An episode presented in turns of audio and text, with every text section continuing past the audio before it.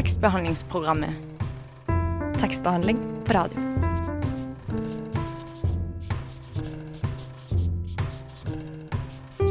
Tekstbehandlingsprogrammet.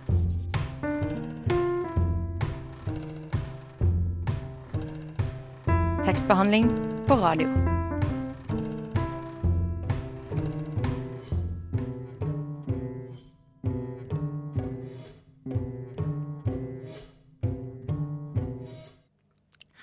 Velkommen til tekstbehandlingsprogrammet Radio Novas litteraturmagasin. Mitt navn er Susanne Gripsrud, og med meg i studio har jeg Guro Flårønning. Hei. Hei.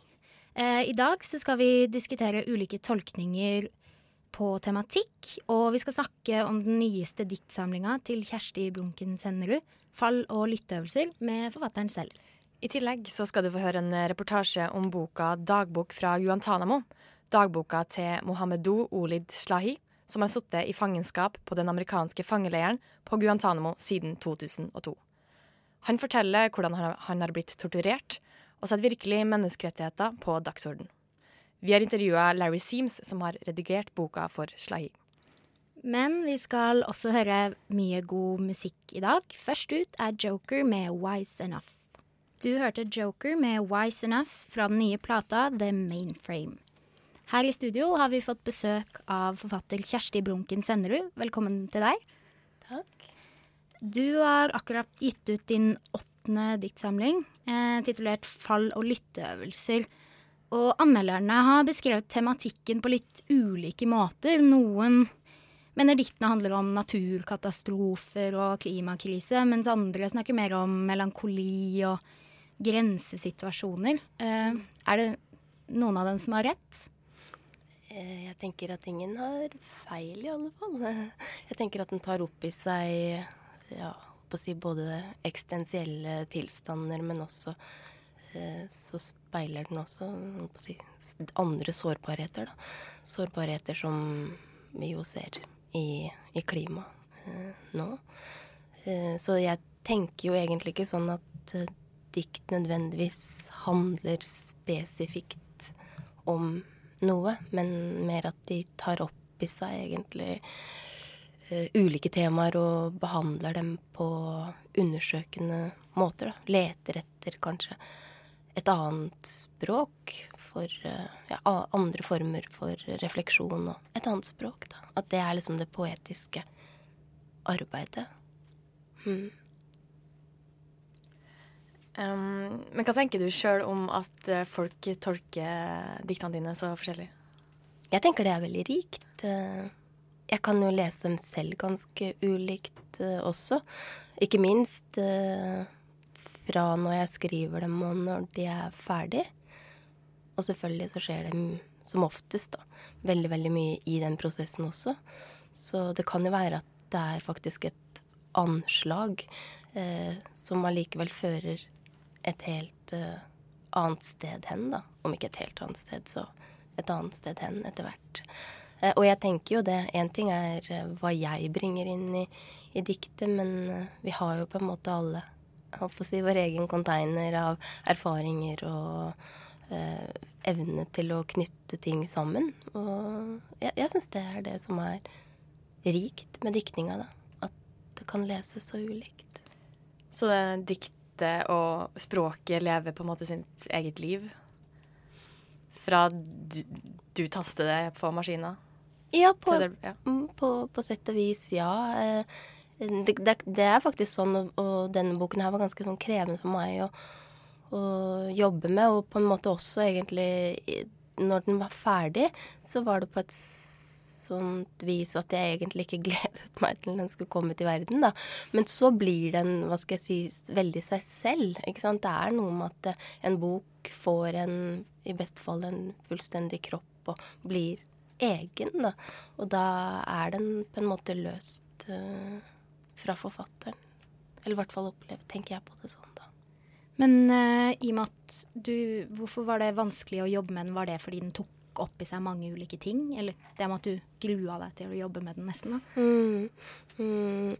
Nei, det var faktisk også sånn Det var eh, Holdt på å si ja, eh, men også fordi at eh, anslaget til den ble på en måte til i en periode hvor jeg hadde det faktisk litt krevende, da. Så det var en eh, ja, en opplevelse av at ting var veldig skjørt og um, Ja, en litt sånn opplevelse av å falle, falle ut av ver verden. Men det som var uh, interessant med det, var at det, det er jo ikke en ny tilstand for meg, men uh, det var liksom en reminder på en, på en, måte om også hvorfor jeg helt tatt begynte å skrive. Begynte å skrive poesi. Jeg fikk liksom tak i noe som eh,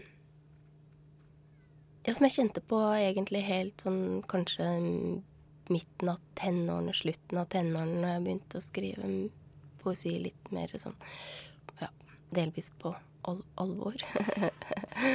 Men så, ikke sant, og så er det jo noe med at eh, en kan jo ikke bare skrive dikt i en følelse av å falle ut av, ut av verden eller ut av språket. Det er, jo, det er, jo, på en måte mange lag av refleksjoner da, som, eh, som ligger i det. Men det var på en måte noe av det. Og så eh, var jeg i en tilstand og en følelse av en sånn veldig, veldig, veldig åpenhet. Og da tar man imot ting også kanskje på en forsterka måte, da. Sånn at uh, det var da du skrev det, ikke sant? Ja. Mm. ja. Um, at man kan bli liksom, faktisk helt bunnløst fortvilet av å tenke på arts, uh, tapet av artsmangfold og, og, sånne ting også. At uh, det er, det, man kommer inn i en tilstand hvor det, det, ikke er så veldig stort skille mellom ja, meg og fugler som forsvinner, da. Ikke sant? Og det er fordi man er så sårbar i den posisjonen, så blir man sårbar for alt? Ja, åpen, tenker jeg. Mm. Ja. Eh, en sånn følelse av at det er en sånn En ser en verden gjennom noe en veldig, veldig mm, åpen, svær linse. Eh, og at eh, Ja, jeg tror det kan beskrives som forster forsterkende, da. Mm. Uh, ja. Uh, vi må nesten høre deg lese litt fra dette etterpå. Men det, først så skal vi høre en låt. Dette er Dolce med Ines Palema. Det svinger oh, litteratur det svinger av. Og så putter vi noe swingmusikk. Tekstbehandlingsprogrammet på Radio Nova.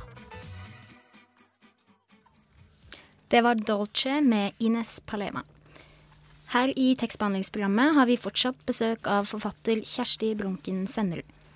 Og før låta så lova jeg lytterne at vi skulle få høre litt fra diktsamlinga di, 'Fall og lytteøvelser'. Så kanskje du kunne ha lest litt for oss nå? Mm -hmm. Jeg skal lese diktet som står på side 41. Jordene gulner. Jeg ser ut av vinduet. Jeg sitter på en stol, holder meg fast i vinden. Jeg skriver for å minne meg på at jeg finnes. Ute vaier aksene. Jeg går turer i skogen, hører fugler synge. Fuglene som helt selvfølgelig bygger rede. Jeg ser kvistene de bringer gjennom luften til det utvalgte treet hvordan det bygges opp og rives ned. Hvor midlertidig alt er. Med alt mener jeg for eksempel det jeg har tenkt på som et hjem, det jeg har tenkt på som et liv. Havregrøt med nøtter og mandelmelk til frokost. Blomster på et gammelt trebord. Vinduer å se ut av. Vind å stå i. Med hjem mener jeg et skrin med steiner og fjær, og lyset som faller mellom trærne på nordsiden av huset. Med hjem mener jeg å finne meg selv som en annen enn den jeg trodde jeg var. Med hjem mener jeg å finne igjen noe jeg trodde var meg. Et bilde tatt av deg i litt for skarpt lys med lys mener jeg alt som kan falle mellom hender.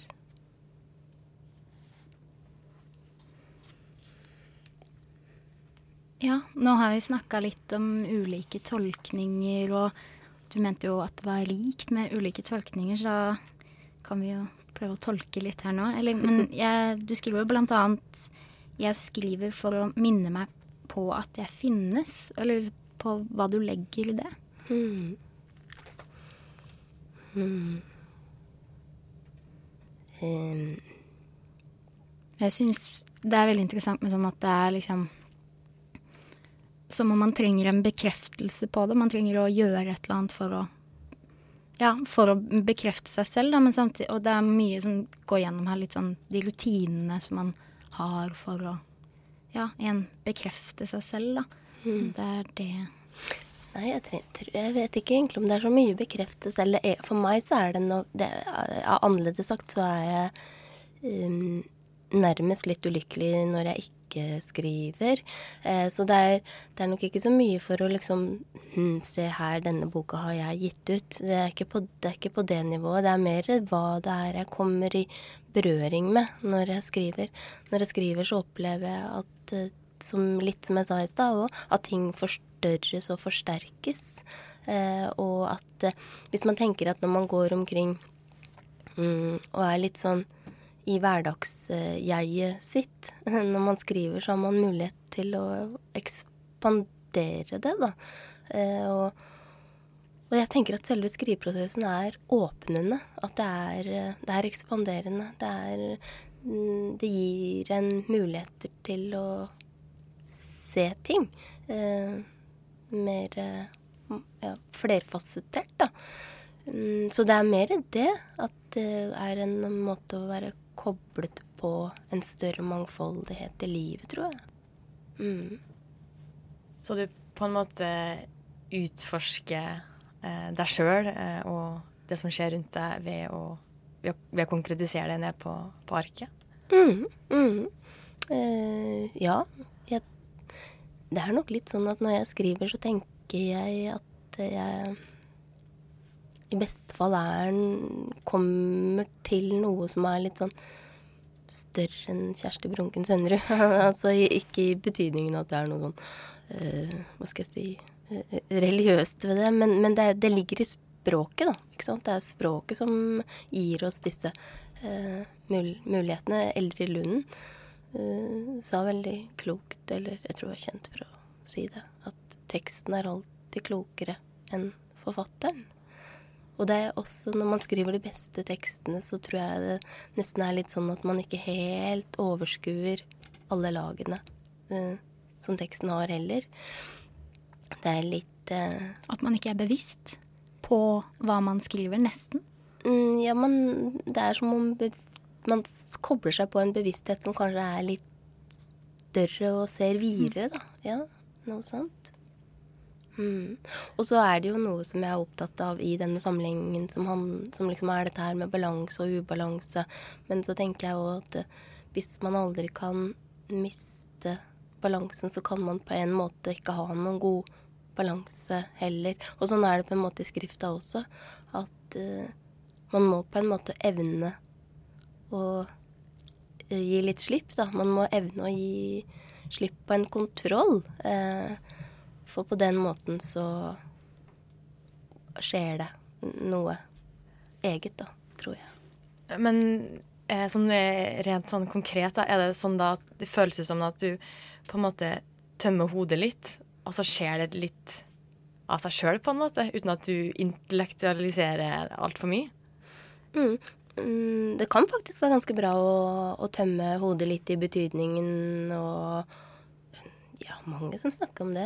Hengi seg, på en måte? Ja, og stirre litt i veggen og prøve å få det til å bli litt stille. Men det, det kan jo like gjerne være at det er en strøm og et kaos som setter i gang en tekst, ikke sant.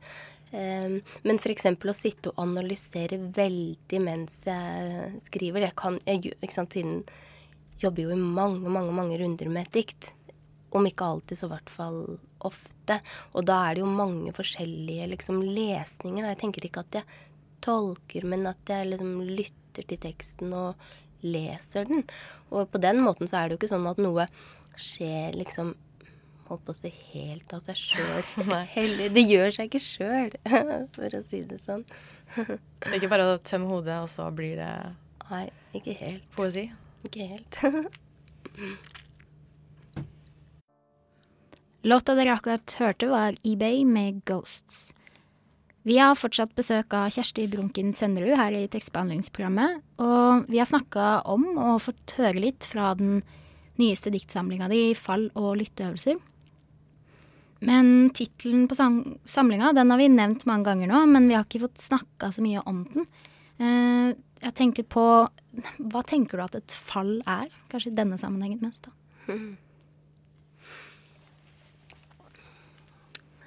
Nei, det er jo egentlig ganske mange fall da, i denne, i denne samlingen. Um, men det, den tittelen kom faktisk til meg tidlig i, i, arbeidet, og da var det nok denne rent sånn eksistensielle uh, vektlegginga som sto sentralt for meg. Det med å, ja, som jeg nevnte i stad, type falle ut av verden. Men så er det jo igjen det jeg tenker at man ikke kan Eh, ja, evne å ha veldig god Hvis man tenker på bevegelse og på dans, da f.eks.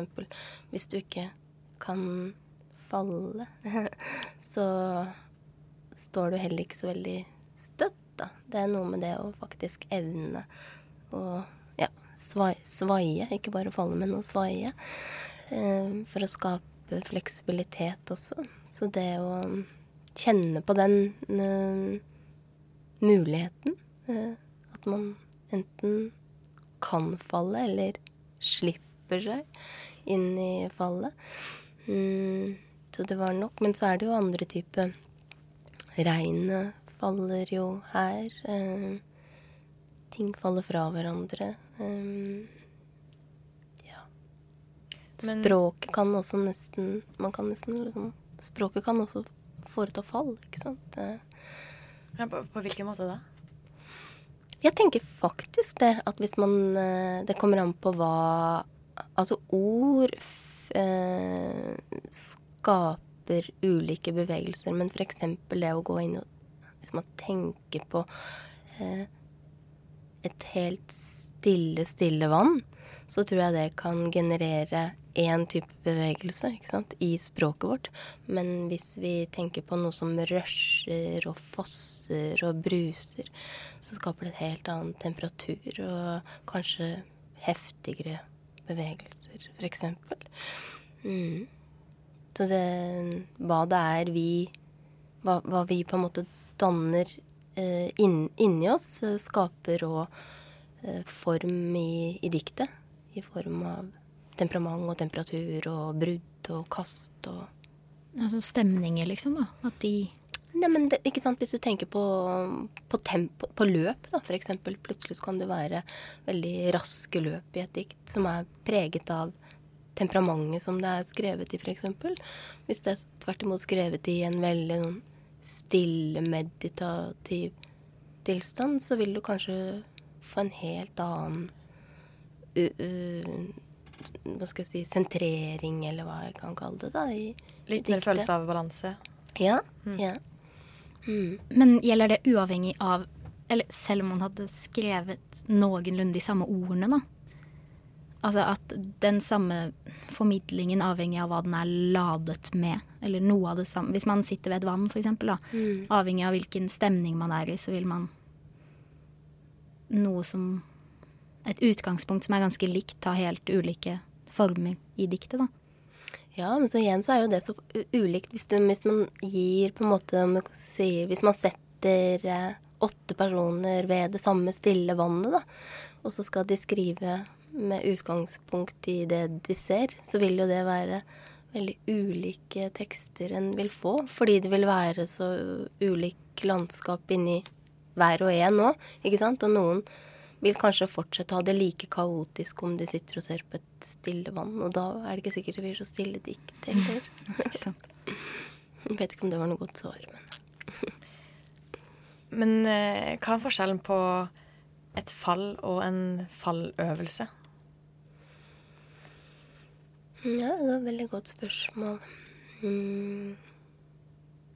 Kan man øve seg på å falle? Falle bedre, liksom? Eh, kanskje det er noe med Hvis man ikke er så redd for uh, å, å, falle, så er det kanskje ikke så stor katastrofe å gjøre det. Hvis man holder seg veldig fast, så kan det jo hende at det koster mer, da. Men det, liksom, hvis man tenker på en falløvelse, så ligger det jo på en måte litt i ordet. At det, da er det noe Da reiser du deg igjen og igjen. Men det er ikke sikkert at du er garantert å reise deg hvis du Hvis det ikke er en øvelse. Det var Eric Chenot med Skull Splitter fra Radio Novas A-liste. Og A-lista den oppdateres annenhver uke, og du kan finne den på radionova.no. Kjersti Brunken Sennerud, eh, som forfatter er du først og fremst poet, eller i hvert fall det er poesi du har gitt ut hovedsakelig. Eh, hva er det som gjør at du skriver innen den sjangeren? Jeg har skrevet en roman og en fortelling, eh, og etter begge de arbeidene så var jeg i hvert fall veldig glad for å komme tilbake til, eh, til diktet. Nei, jeg tror faktisk at det er noe med litt sånn Hvordan personlighet man har, det tror jeg for det første. Og så i, i, det ligger det jo litt sånn hvordan man er satt sammen, hvordan sinnet hennes er satt sammen også.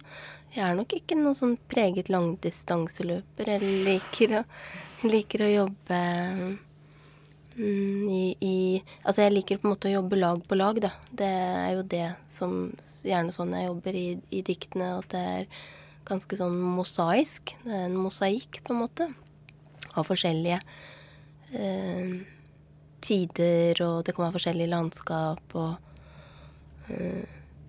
ja, forskjellige lag av eh, tematikk også, som settes sammen, settes sammen på ulike vis. Så jeg syns jo diktet gir jeg syns diktet gir en mulighet til å gjøre eh, Undersøke ting på en måte som jeg Ja, som jeg, som jeg syns er fortsatt veldig, veldig utfordrende, da. Jeg syns det er ja, en sjanger som egentlig inviterer til å kunne gjøre veldig mye. Faktisk. Det syns jeg. Mm. Man kan jo jobbe um, man kan jo jobbe liksom på i, som, i, i mye større av å liksom være en større langdistanseløper enn hva jeg er òg. Altså det er jo mange Man kan jobbe så ulikt, da. Man kan jo jobbe tilsynelatende innenfor et ganske sånn prosaisk språk også. Eh, og samtidig så kan man jobbe veldig, veldig, veldig skulpturelt. Eh, man kan ta opp i seg politiske, aktuelle ting, men finne et annet språk på det. Da. Ja, jeg syns det. Jeg syns hvordan det. gjør du det da, som kortdistanseløper? Hvordan jeg gjør det? Ja, hvordan finner det er, du det språket? Nei, det er det jeg sier, at jeg, jeg jobber nok uh, i en type, type mosaikk, da. Altså jeg tar også Kan man være opptatt av dagsaktuelle eh, ting, men eh, jeg skriver liksom ikke Det er ikke sånn at man egentlig kanskje kan lete frem en sak i i, i diktene mine. Det, det, er noe med at det blir skrudd på og vendt og eh, satt sammen på an, andre måter. Da. Man leter etter et, eh, et, annet språk, et språk som man foreløpig ikke har. Det jeg tenker at poesien inviterer til, er å finne et språk som man faktisk ikke har før man har begynt å skrive på akkurat det diktet. da. Jeg syns jo hvis jeg finner Hvis jeg liksom bringer veldig sånn mm, uttalte ting eh, inn i diktet, og ikke klarer å, å liksom finne en ja, en transformasjon til det, så syns jeg jo ofte at eh, Kanskje nesten at det kan kjede meg litt. Da. Altså, Hvis det blir for konkret, tenker du? Nei, jeg tenker at Det kan godt være konkret. Være, jeg jobber noe ganske konkret, men det er noe med selve arbeidet må gi meg en innsikt jeg ikke hadde før jeg begynte å skrive. Ja. Mm. Mm. Eh, jeg tenkte vi kunne avslutte med at du leser et uh, dikt til. Uh, altså, tusen takk for at du kom hit i dag. Det har vært veldig interessant. For at jeg fikk komme. Da ble jeg invitert. Da skal jeg lese et dikt som er på side 97. Det var riktig.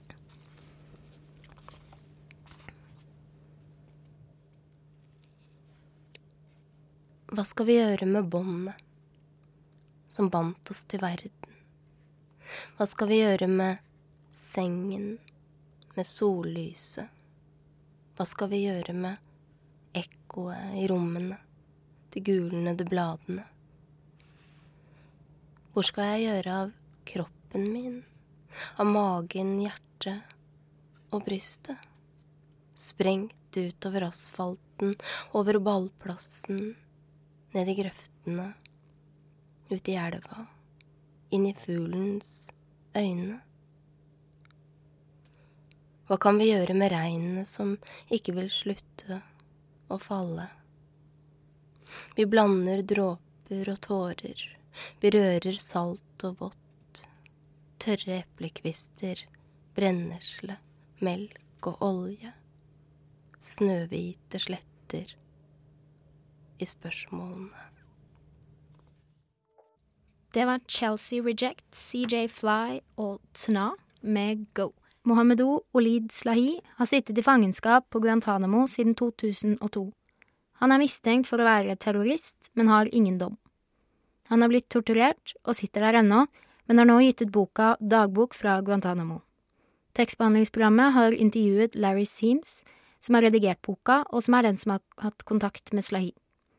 Innslaget starter med opplesning av blant annet Stephen Fry og Stanley Tucci. Når du hører et pip, er det setninger eller ord i teksten som har blitt sensurert av amerikanske myndigheter. August the 5th, 2002. Mohamedou and the other prisoners arrive in Guantanamo Bay. The group is processed into the facility. In the beginning, I enjoyed the sunbath, but the sun grew hotter with every minute that went by. I started to sweat and grew very tired of the kneeling position I had to remain in for about six hours. Every once in a while, a guard shouted, Need water. I don't remember asking for water, but it's likely that I did. I was still stuck with the blindfold, but my excitement about being in a new correctional facility with other human beings I could socialize with, in a place where there would be no torture or even interrogation, overwhelmed my pain. That and the fact that I didn't know how long the detention was going to last and so I didn't open my mouth with any complaints or moans, while many brothers around me were moaning and even crying. I think that my pain limit had been reached a long time before. I was dead last to be processed. People who got hurt on the plane probably had priorities, such as. Finally, two escorting guards dragged me into the clinic. They stripped me naked and pushed me into an open shower. I took a shower in my chains under the eyes of everybody my brethren, the medics, and the army. The other brothers who preceded me were still stark naked. It was ugly, and although the shower was soothing, I couldn't enjoy it.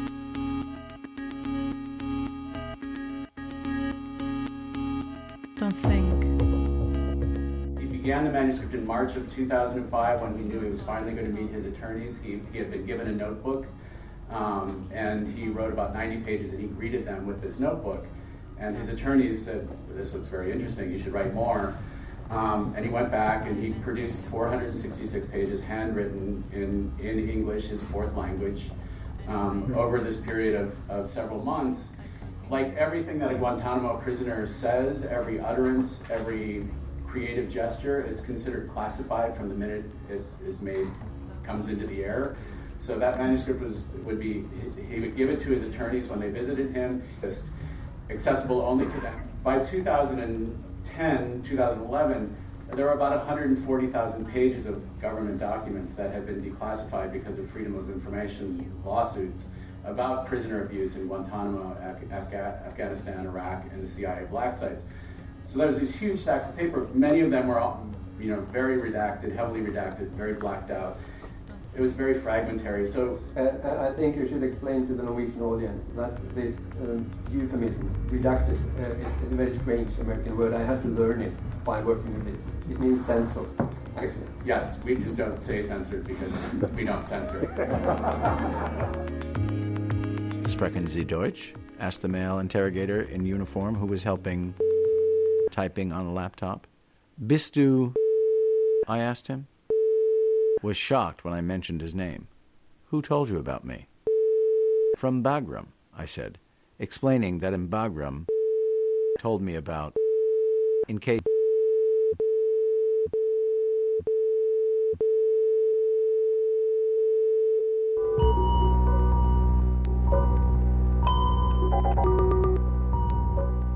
When I first met Americans, I hated their language because of the pain they made me suffer without a single reason. I didn't want to learn it. But that was emotion. The call of wisdom was stronger. And so I decided to learn the language. Slahi writes that uh, other prisoners were more lucky because they didn't understand English. Uh, they didn't understand what was said to them.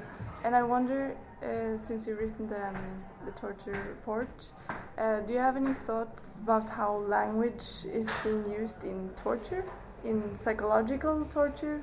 I think what he must have realized early was that language division deepens the divisions that allow torture to happen. So he understood that if you learn English and cross that divide, and he, you move more toward recognizing one another's humanity. So I think it's a really interesting thing where you know he, he realized if you if he could learn English, he doesn't need a translator in the room. It means anytime he's alone with anyone, he can have a conversation with them. And um, and I think all through time that changed the dynamic for him. So I think it's not you know I think the the the language barrier and Americans are tend to be a culture where most people are monolingual you know, most of the guards and interrogators wouldn't have known them, and I think that that language barrier helped perpetuate or helped the process of dehumanizing that required in order to torture somebody. You can't torture somebody who you recognize.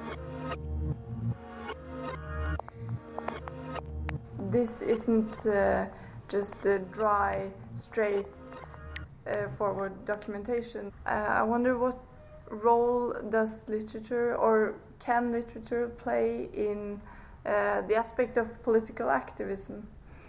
I think what literature does is it it it really shows the complex the complexity of the human element of every story. You know, you uh, I read all these torture documents for several years that included this story, and I I could never recognize myself in the story at all. I saw prisoners who I knew very little about, except they were terrorist suspects, and they said they were innocent, but I had no way of judging that. And then I knew that there were people who were doing bad things to them, but I couldn't identify with them either. I thought I must not be like them. And Mohamedou presents a book which, amazingly enough, I see myself in all of them, parts of myself. I see his curiosity, his sense of humor. I recognize that, you know. Um, some guards smart aleck comments, you know, like, yeah, you didn't make the mistake you, your parents made that by having you, mm. you know. I know guys like talk. I have a cousin who talks like that, you know, and so that that's what literature does. It moves you into the story. Uh, it gives kind of a um, empathical exactly process to it. That's what that's what literature does. It takes us out of ourselves. Yeah. And that's you know I mean I think that's what writing did for him, and it's part of the reason that you know, he was able to survive. From the moment he started to work as my guard in July 2004, related to me right. In fact, he hardly talked to anybody beside me. He used to put his mattress right in front of my cell door, and we started to talk about all kinds of topics like old friends. We talked about history, culture, politics, religion, women, everything but current events. I mean, he could have just treated his guards and interrogators as one diabolical person, just the way he and his fellow prisoners were being treated, you know. Mm. But he wouldn't do that. He was just indiv- interested in each one of them as an individual. That was his. That's one of the things that the, the redactions really damages in the book because the redactions hide names, you know, so you can't know for sure if this person is the same as that person, you know. But he wanted us to know because he cared. He, you know, he cared about. He cared enough to try to figure out who each of these people was. Humanity, you know. I mean, this is this is what has been screened off from the world by the censorship of Guantanamo. Is just the real human lives, the human cost, the human emotions, you know, but also the human interactions and the moments of warmth and and you know incredibly moments of forgiveness, you know, and and um, you know ultimately the story has to be a story of you know uh, of, of terrible actions and mistakes and crimes, and also of reconciliation somehow. That's, we have to get to that point. By the example of the narrator of this book, you know, we see that this is actually might be possible. If he can do this, if he can maintain that simple duty to look at each other as individual people and not to objectify, not to dehumanize, you know, if he can do it, then we should be able to do it. And he deserves us to do it. Reporter her var Maiken Bolseth. Nå skal du få høre den nye låta til den Seattle-baserte rapperen Greaves med Cougar Catnip.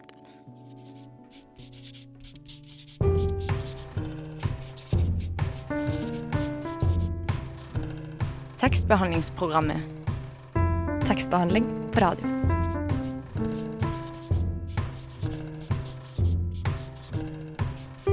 Tekstbehandlingsprogrammet.